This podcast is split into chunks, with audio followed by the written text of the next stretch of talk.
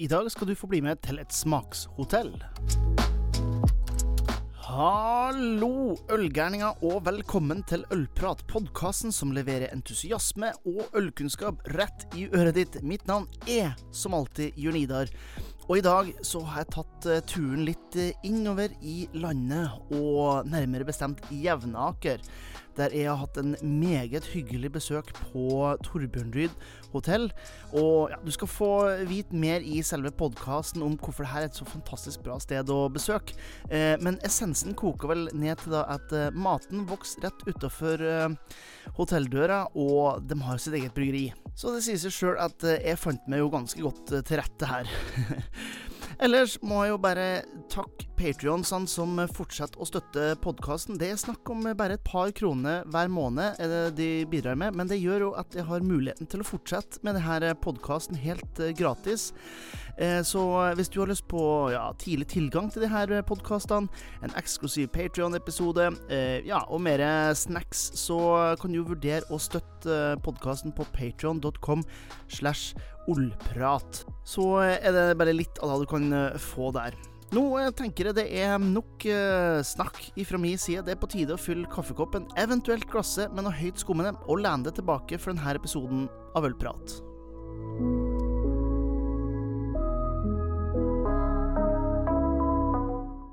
Da ønsker jeg velkommen til Ølprat, Kristoffer eh, Skovli Karlsen.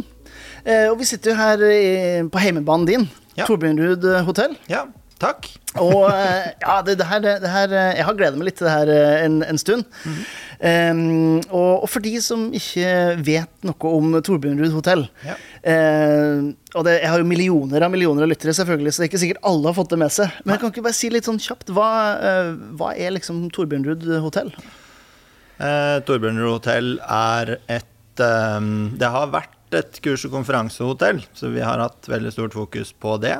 Eh, nå er vi åpne hver dag hele året uansett, så det er bare å komme og spise mat. Mm. Eh, uh, Torbjørn hotell er en matopplevelse, egentlig. Vi um, uh, baserer veldig mye av driften vår på lokale råvarer. Vi har egne kjøkkenhager i hagen. Um, vi har uh, all maten og alt kjøttet vårt kommer fra lokale gårder på Hadeland. Mm. Uh, henter egg fra en lokal bonde. Um, og prøver å basere egentlig alt vi holder på med, på lokalt. Mm. Um, så hvis du nå sitter og lytter og er en elektriker fra Oslo, så vil vi mest sannsynlig ikke ringe deg, fordi vi har en elektriker på Evnaker som vi da heller ringer. Ja, ikke sant. um, dette handler jo om øl og ølbryggeri. Um, vi prøver jo da også å fokusere på Vi har noen uh, ølbryggerier vi henter inn fra Belgia, men prøver da også å ringe lokalt istedenfor, da. Så mm. hvis man kan hente noe norsk, så er det, er det morsommere for oss mm. enn internasjonalt. Så vi prøver hele tiden å jobbe så nært som overhodet mulig. Ikke sant. Ja. Og vi snakker jo litt om det i, vi jo litt om det i, i stad ute i gangen her. Eh, så sa du at eh, ja, du husker du jobba en, en 40-timers dag, eh, arbeidsdag, og at du egentlig har vært i servicebransjen hele tida, og det er liksom det er folk som er, som er greia di, om man har lov til, til, å si det sånn. Ja, ja. men, men du har jobba innenfor, innenfor, servicebransjen såpass lenge. Ja. Hva, er det, hva, er det, som er det, det, hyggeligste eller mest interessante med en gjest som kommer inn, inn hos deg? Nei, det er jo det at de aller, aller fleste mennesker har um, De har en positiv energi ved vesenet sitt. Mm. Um, og eh, ja, det er møte mellom mennesker. Det skjer et eller annet i dynamikken i møte mellom mennesker som skaper en energi. Mm. Um, man har en forventning, men man vet ikke helt hva, uh, hva man Ja, første gang man tar et handshake, uh, så vet man jo ikke helt hva samtalen vil bringe. Hvordan nei, den personen vil være. Um, så det er litt av det, tror jeg. Det er mm. spennende med mennesket. Så jeg elsker å være med mennesker og prate med mennesker. Men jeg har også en hytte langt inne i skogen oppe i Valdres uten naboer. Eh, eh, så det er jo litt det at man eh, tar seg ut på jobb. Man elsker å være med mennesker. Og når man ikke er det, så elsker man å være for seg selv. helt på eller helt av? Ja, litt, litt, sånn. At man Ja. Mm. Men uh, jeg drives nok av service. Jeg har uh, jobbet et par år i Tusenfryd da jeg var helt liten, 16-17 år. Um, så har jeg hatt noen år i butikker i Oslo, i Kiwi. Um, og så har jeg jobbet i hotell fra 2005. Mm. Da var jeg 20, 21. Mm. Fram, fram, til nå, da. Ja, ikke sant? Ja. Det tror jeg jeg kommer til å fortsette med. Det, det syns jeg er uh, fantastisk gøy hver gang jeg kommer på jobb. Ja. Jeg gleder meg til å gå på jobb og får en sånn positiv følelse hver gang jeg kommer inn døren her, da. Ja, ja vi snakker jo litt om det ute i, i Krydderhagen uh, her også. Du har jo tidligere jobba i en av de største kjedene i Norge, hotellkjedene i Norge. Ja. Uh, og du sa noe av det som var så fint å være her på, på Torbjørnrud, var at du, du gjorde ikke bare én ting. Du, var, var, ja, du sier du har en elektriker eh, litt lenger inni, inni, her også, men det kan hende at du må fikse litt der, eller du må ta vare på en gjest, eller hjelpe til å, å stelle plantene og, og eh, ja, kanskje til og med være med å bestemme hvilke øl som skal, skal brygges her. Ja. Um, hva, hva er en sånn frihet som sånn der, hva er det som, er det som kan, hva kan skapes? da? Hva er det, har prøvd, hva er det du har prøvd å måte, skape her med, med Torbjørnrud hotell de siste årene du har vært der? Um, skape en atmosfære uh, som er uformell og litt nedpå. Mm. Um, samtidig som at man Jeg vet ikke, jeg prøver å definere hotellmennesker som uh, mennesker som er litt fleksible. Man kan holde på med veldig mye forskjellig. Mm. Uh, der er det veldig forskjellig å jobbe på et hotell med si 500 rom og et hotell som har 80, sånn som vi har. Mm. Um, så når du har 80, du står i resepsjonen, de trenger litt hjelp i servering, da stiller du opp der. Ja. um, gartneren trenger litt hjelp med å bære noen blomster hit og dit, eller uh, vanning, eller planting, eller luking. Mm. Ja, da gjør man det. Ja. uh, brygger trenger litt hjelp med å bære korn. Så gjør man det. Ja. Uh, kanskje han trenger at man skal sette på meskekjelen om morgenen før han kommer. Uh, uh, man mangler kokk om morgenen. Man må lage egg og eggerøre og bacon og steke brød. Ja, da gjør man det. man må være litt det, det vi kaller potet, da. Ja. Det er, eh, og det er jeg veldig, veldig tilhenger av. Ja, ja det, kan, det, kan, jeg skjønne. Men, men det er sånn spørsmålet altså Det her skaper jo, en, det skaper jo selvfølgelig en, en ramme. Eh, og, og, jeg prater jo med det i dag mye pga. at eh, det er øl som er en eh, Selv om det ikke er en sånn markant del av selve bygget, og i hele tatt, så er det likevel en, en, en, et viktig krydder, sånn som jeg ser det på, på hotellet. Ja. Men hvor, hvor starta din interesse for, for øl hen? Um, ja, det er jeg litt usikker på. Um, jeg gikk gjennom russetiden, var 18 år og likte ikke øl. Merkelig type. Uh, så når jeg flyttet til Finnmark, så begynte vel interessen så vidt å komme. Mm. Um, da kom jo craft beer mer og mer på markedet.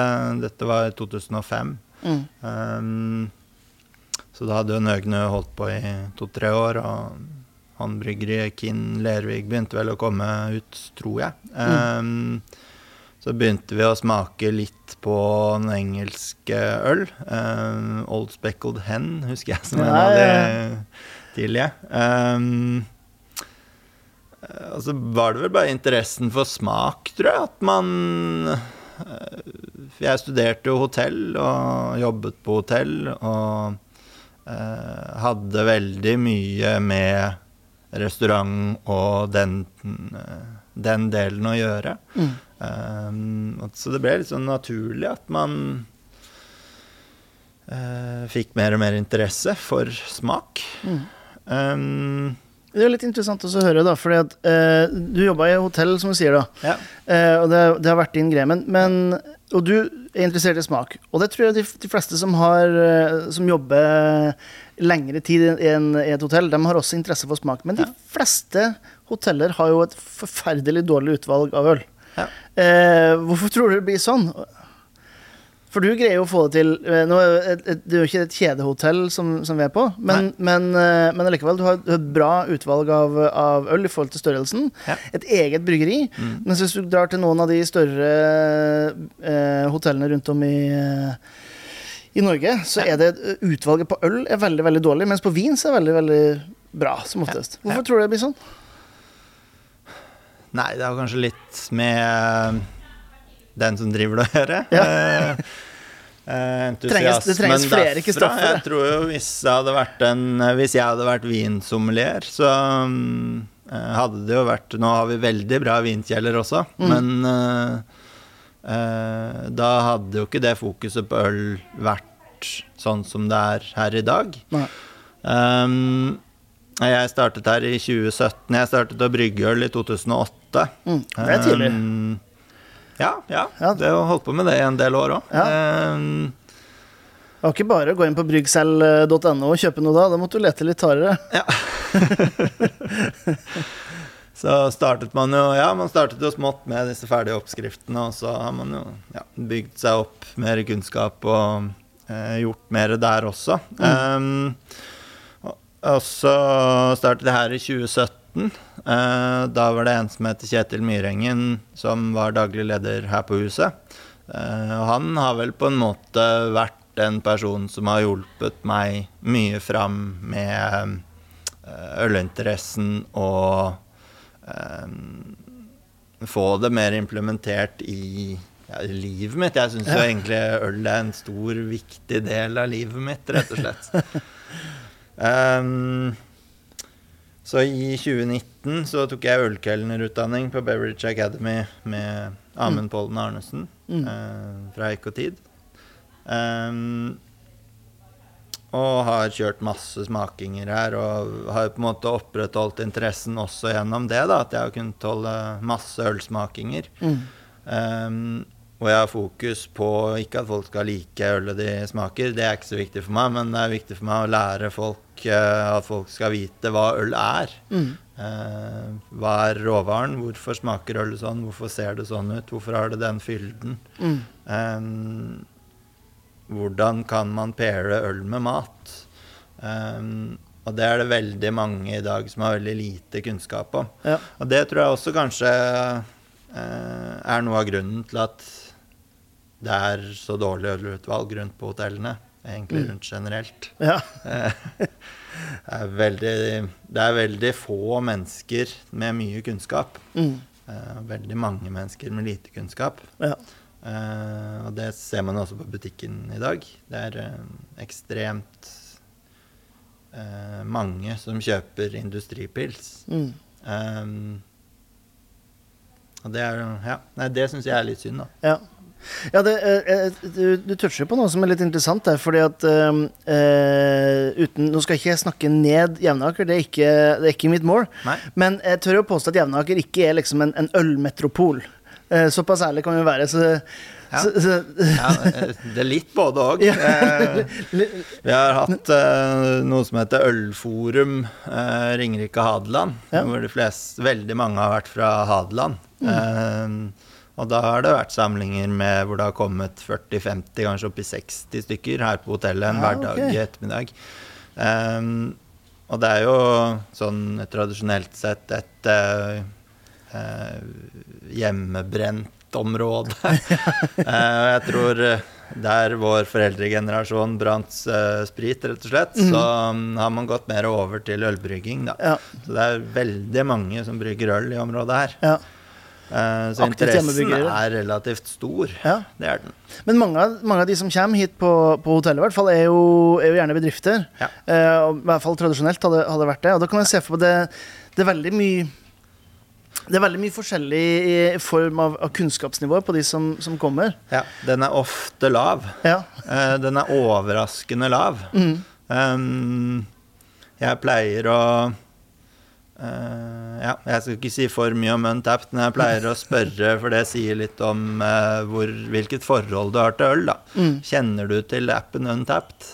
Uh, og 90% av dere som hører på meg nå, har hørt om den appen, men på ølsmakingen jeg har, så har jeg nesten ingen som har sagt ja. Nei, ikke sant?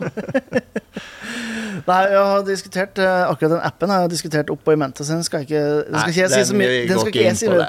Men, uh, men uh, jeg, tror det du, det du sier nå, er noe som i hvert fall er gjenoppdaga når jeg skrev den første boka sammen med, med Stian Staysman. Ja. Fordi da hadde jeg holdt, jeg holdt på med øl da i, i, i ti år, Ja. Når jeg første gang traff han. Mm. Og var i, bob, i en boble. Eh, og når jeg snakka med han, så innså jeg at noen som var så glad i øl som det han var, hadde null kunnskap om øl. Ja. Og jeg tror det gjelder egentlig de aller fleste, men det er litt sånn lett for oss som er over gjennomsnittet engasjert. Eh, vi glemmer litt av at Ja. de fleste kan ikke så mye. Så det, det blir liksom eh, Det de kjenner til, er som sier industripilsen og, og kanskje en mangoipa fra Hansa, Hansa og, og that's it. Ja. Så, men hvor, eh, eh, hvor begynner man i, i sånne sammenhenger å, å lære opp eh, gjestene, rett og slett? Hvor- hvor- Hvordan gjør du det? Um, jeg pleier å forklare litt rundt prosess. Um, så serverer jeg en pils, og så forteller jeg det litt om uh, malting og um, tørkingsgrad. Hvorfor er den lys? Um, hvorfor er det en pils? Da er det gjerne med en pilsner urkel, for da kan man jo Ja. fortelle historien om eh, den originale pilsen, og vannet i pilsen, og humlen sas, og Ja, ja. hele den biten. Um, og så må man jo få inn noen matelementer. Mm. For det er jo ofte folk ganske interessert i. eh, hvordan skal jeg paire denne til denne matretten? Mm. Eh, og så tenker jo alle at pils for eksempel, ja, det er et allround-øl, det kan jeg drikke til alt. Ja. du kan det, men uh, hvis du skal sette det til en matrett, så Og det skal være en perfekt kombinasjon, så kan du kanskje ikke det. Nei. Men hvordan, hvordan går det fram da for å, for å velge litt mat for, Så for må man jo ta litt, lav, litt lavterskel, da. Begynne litt med intensitet og se litt på eh, intensiteten i mat, intensiteten i drikke. Mm. Uh, er det noen elementer i drikken som uh, kan enten sammenlignes med elementene i maten, eller kanskje det har noen motsetninger der. Mm. For det er jo litt gøy med øl, at man kan se på begge deler. Mm. Um, og man kan jo ja, finne både i en stout eksempel, både bitterhet og sjokoladetoner som vil være både mot kontraster og eh, noe av de samme elementene som man finner i f.eks. en sjokoladekake, da, som er Mm. søt. Um, så det, det å dra fram litt sånne enkle paralleller som eh, man kan eh, lett relatere til. Mm. Uh, så jeg pleier ofte å ha med sjokoladekake, og så pleier jeg å ha med en blåmuggost. Ja. Uh, så kan jeg sette den blåmuggosten til noe surøl, om det er en gøse eller krypto fra Ekotid har jeg sett. Funker veldig bra. ja, det er jo er Er litt sånn ja. jeg, jeg tenker at eh, du- man det virker kanskje for de som hører på, så virker det kanskje ganske enkelt. Ja, men selvfølgelig vil det fungere med sjokoladekake. Ja. Dagens episode er sponsa av eventfirmaet mitt Ølsirkus. Her arrangerer jeg middager, eventer, smakinger, foredrag og mer til eh, rundt om i hele landet. Den uka her, på tirsdag, så er jeg i Sandnes for Ølpanelet live podkast på Melkebaren. Jeg har en heldig hellig ølsmaking på onsdag på Brix brygghus. Og den eh, 24. på lørdagen så har en italiensk eh, ølsmaking på Krutt gastropub i Nittedalen. Så det skjer altså mye. Så eh, hvis du vil ha mer informasjon om eh, sånne her eventer, og kanskje litt inspirasjon til oppskrifter og mer dyptgående informasjon rundt kulinarisk eh, ølprat, så bør du sjekke ut olsirkus.no, eller gå inn via linken i shownotes. Nå tilbake til ølpraten. Men, men eh, jeg, jeg tror man glemmer litt kjapt det at, eh, at folk generelt ikke tenker på det. Nei. Jeg tror ikke på man På mine smaker i hvert fall, så må ikke jeg avansere ting. Jeg må Ja. ikke gjøre ting avansert. For det eh, Gjesten ser jo på pils som øl fortsatt. Mm. Um, og da er det viktig å gjøre det enkelt, da. Mm. Og så må man gjøre det så enkelt at det faktisk blir interessant. Ja. Eh, forhåpentligvis så kommer de hjem, og så gjør de det samme dagen etterpå eller helgen etterpå, eller ja. Mm. Um, kanskje de briljerer litt for venner med at eh, ja, skal vi prøve noe sånn, og så Ja, ja. Der dropper de den musserende vinen, og så tar de en gøse istedenfor, da. Mm. Um, Og så kan jo det fungere veldig bra. Ja.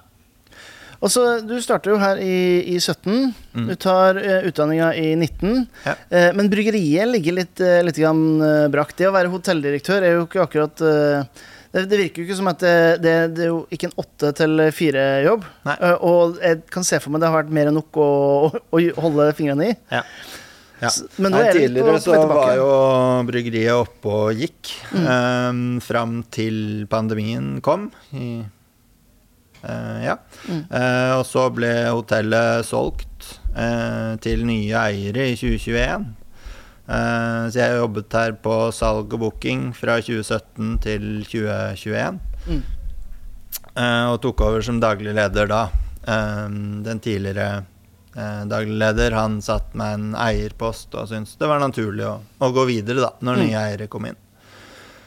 Um, og da skulle jeg prøve å ta over bryggeriet og holde i det, sånn som han hadde gjort. Um, og det har jeg rett og slett ikke funnet tid til. Nei. uh, så det har stått uh, stille i en par år. Um, og så fikk jeg en telefon nå rett før påske fra um, en som heter Andreas, som drev Humbrygg i Hønefoss. Mm. Uh, satt på Gran Canaria og tenkte, tenkte litt. Um, han uh, så rett og slett at uh, Hundbrygg gikk mot slutten. Mm. Um, det var eh, for tungt å drive, så han så på å finne noe annet, rett og slett. Å avvikle Humbrygg. Mm. Um, og jeg kjente Andreas fra før, og han visste at uh, bryggeriet her Jeg hadde en stor, stort ønske om å få det i gang. Mm. Har også søkt etter bryggere tidligere uten å lykkes med å finne det.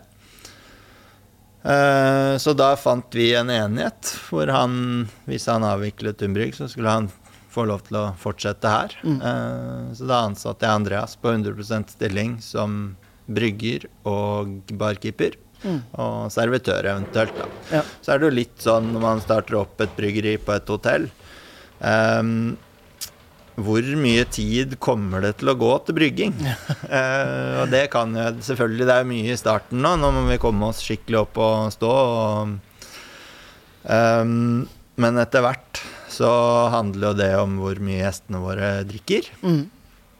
Uh, hvor mye godt øl drikker de? uh,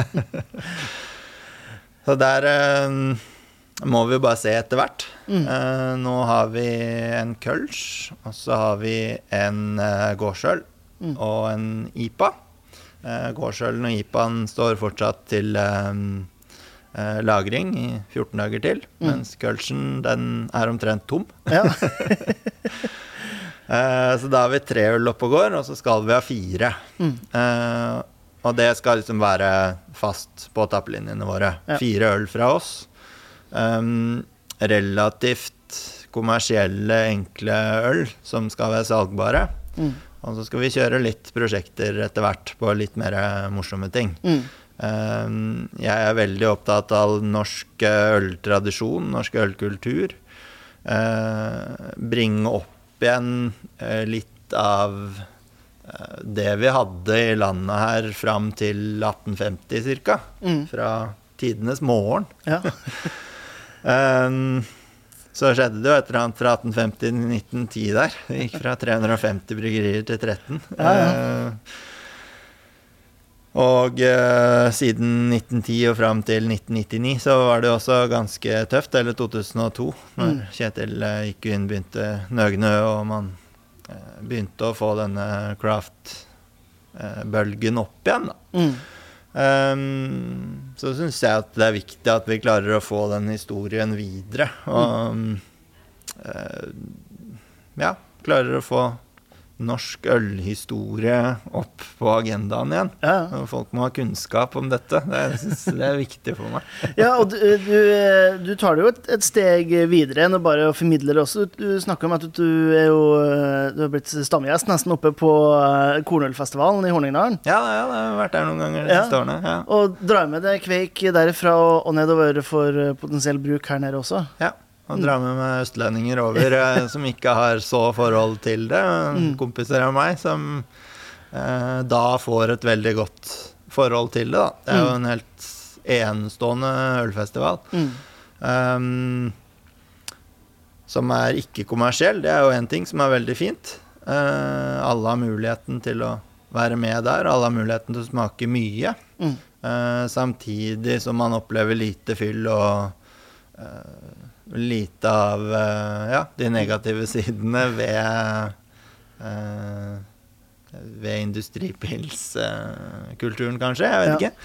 Ikke så mye utagerende, Der kanskje. Nei, der er jo folk fordi man er interessert i det jeg er interessert i, da. Mm. Eh, Ølhistorien, råvaren, produksjonsprosess. Mm. Eh, hvordan eh, gjør man det nå?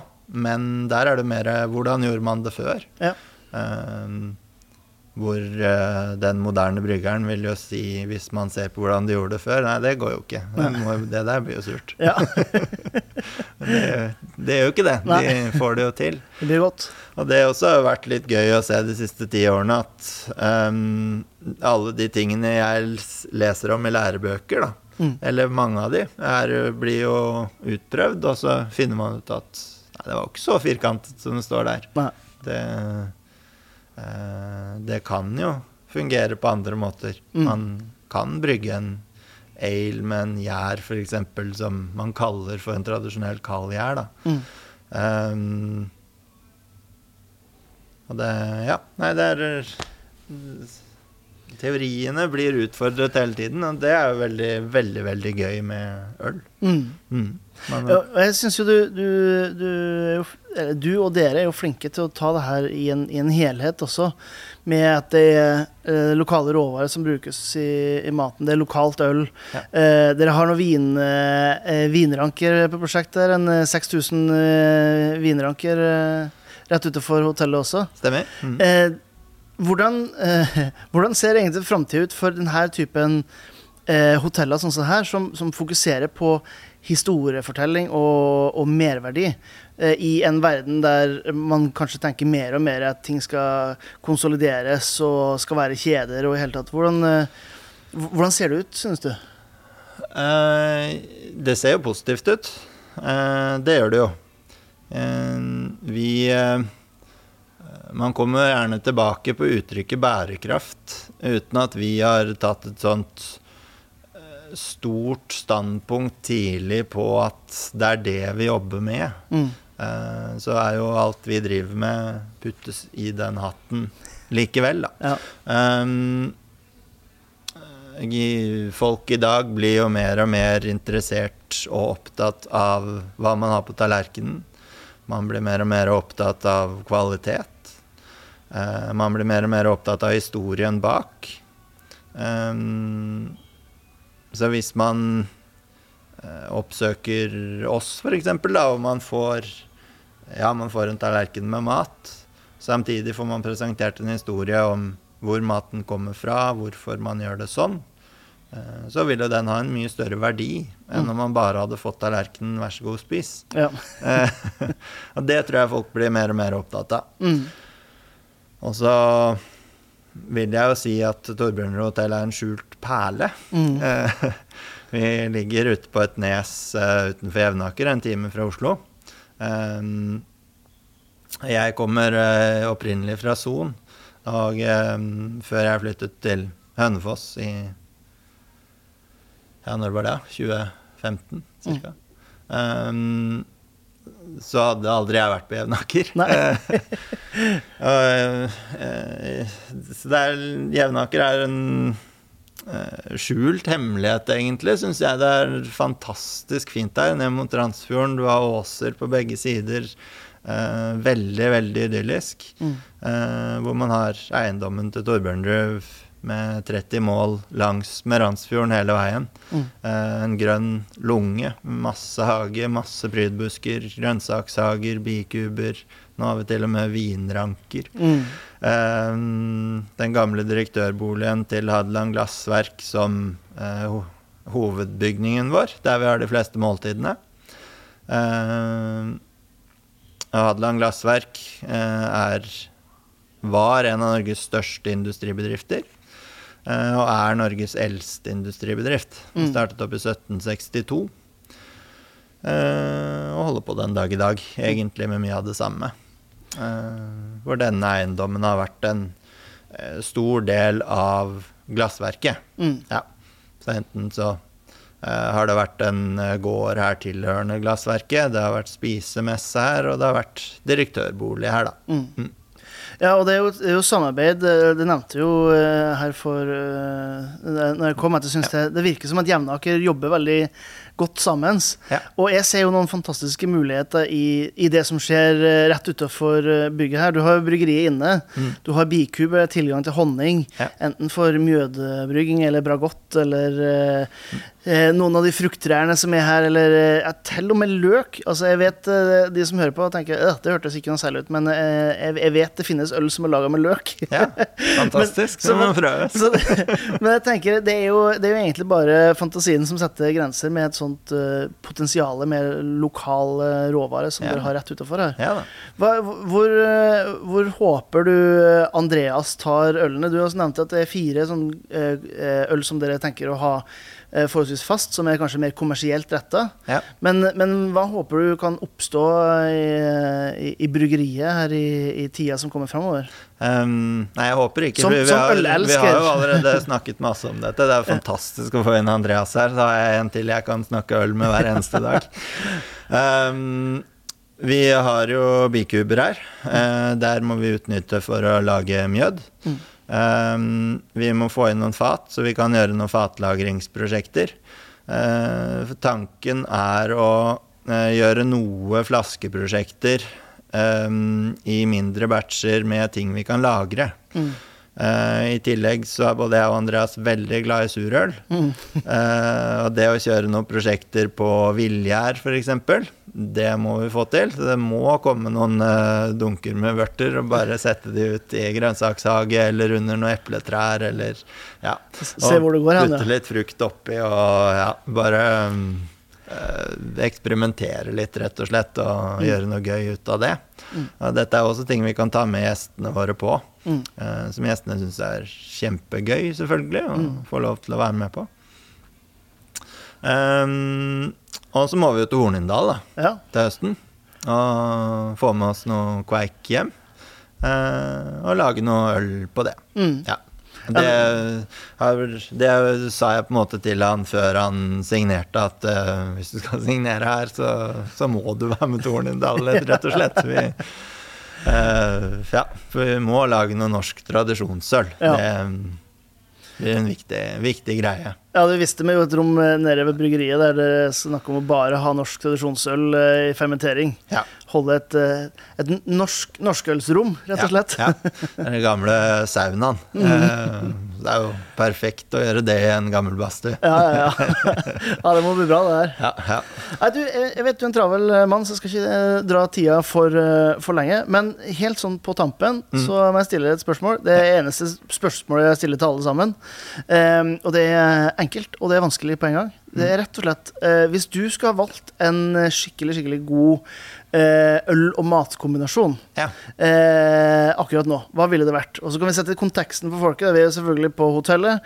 Eh, ute er det 20 grader, det er vår. Eh, biene summer litt, i, eh, litt her borte, og det, det begynner å, å bli løv på alle trær. Så da er spørsmålet hva, er det, hva, hva velger du som, som din kombinasjon? Å, det er vanskelige spørsmål, da. Eh,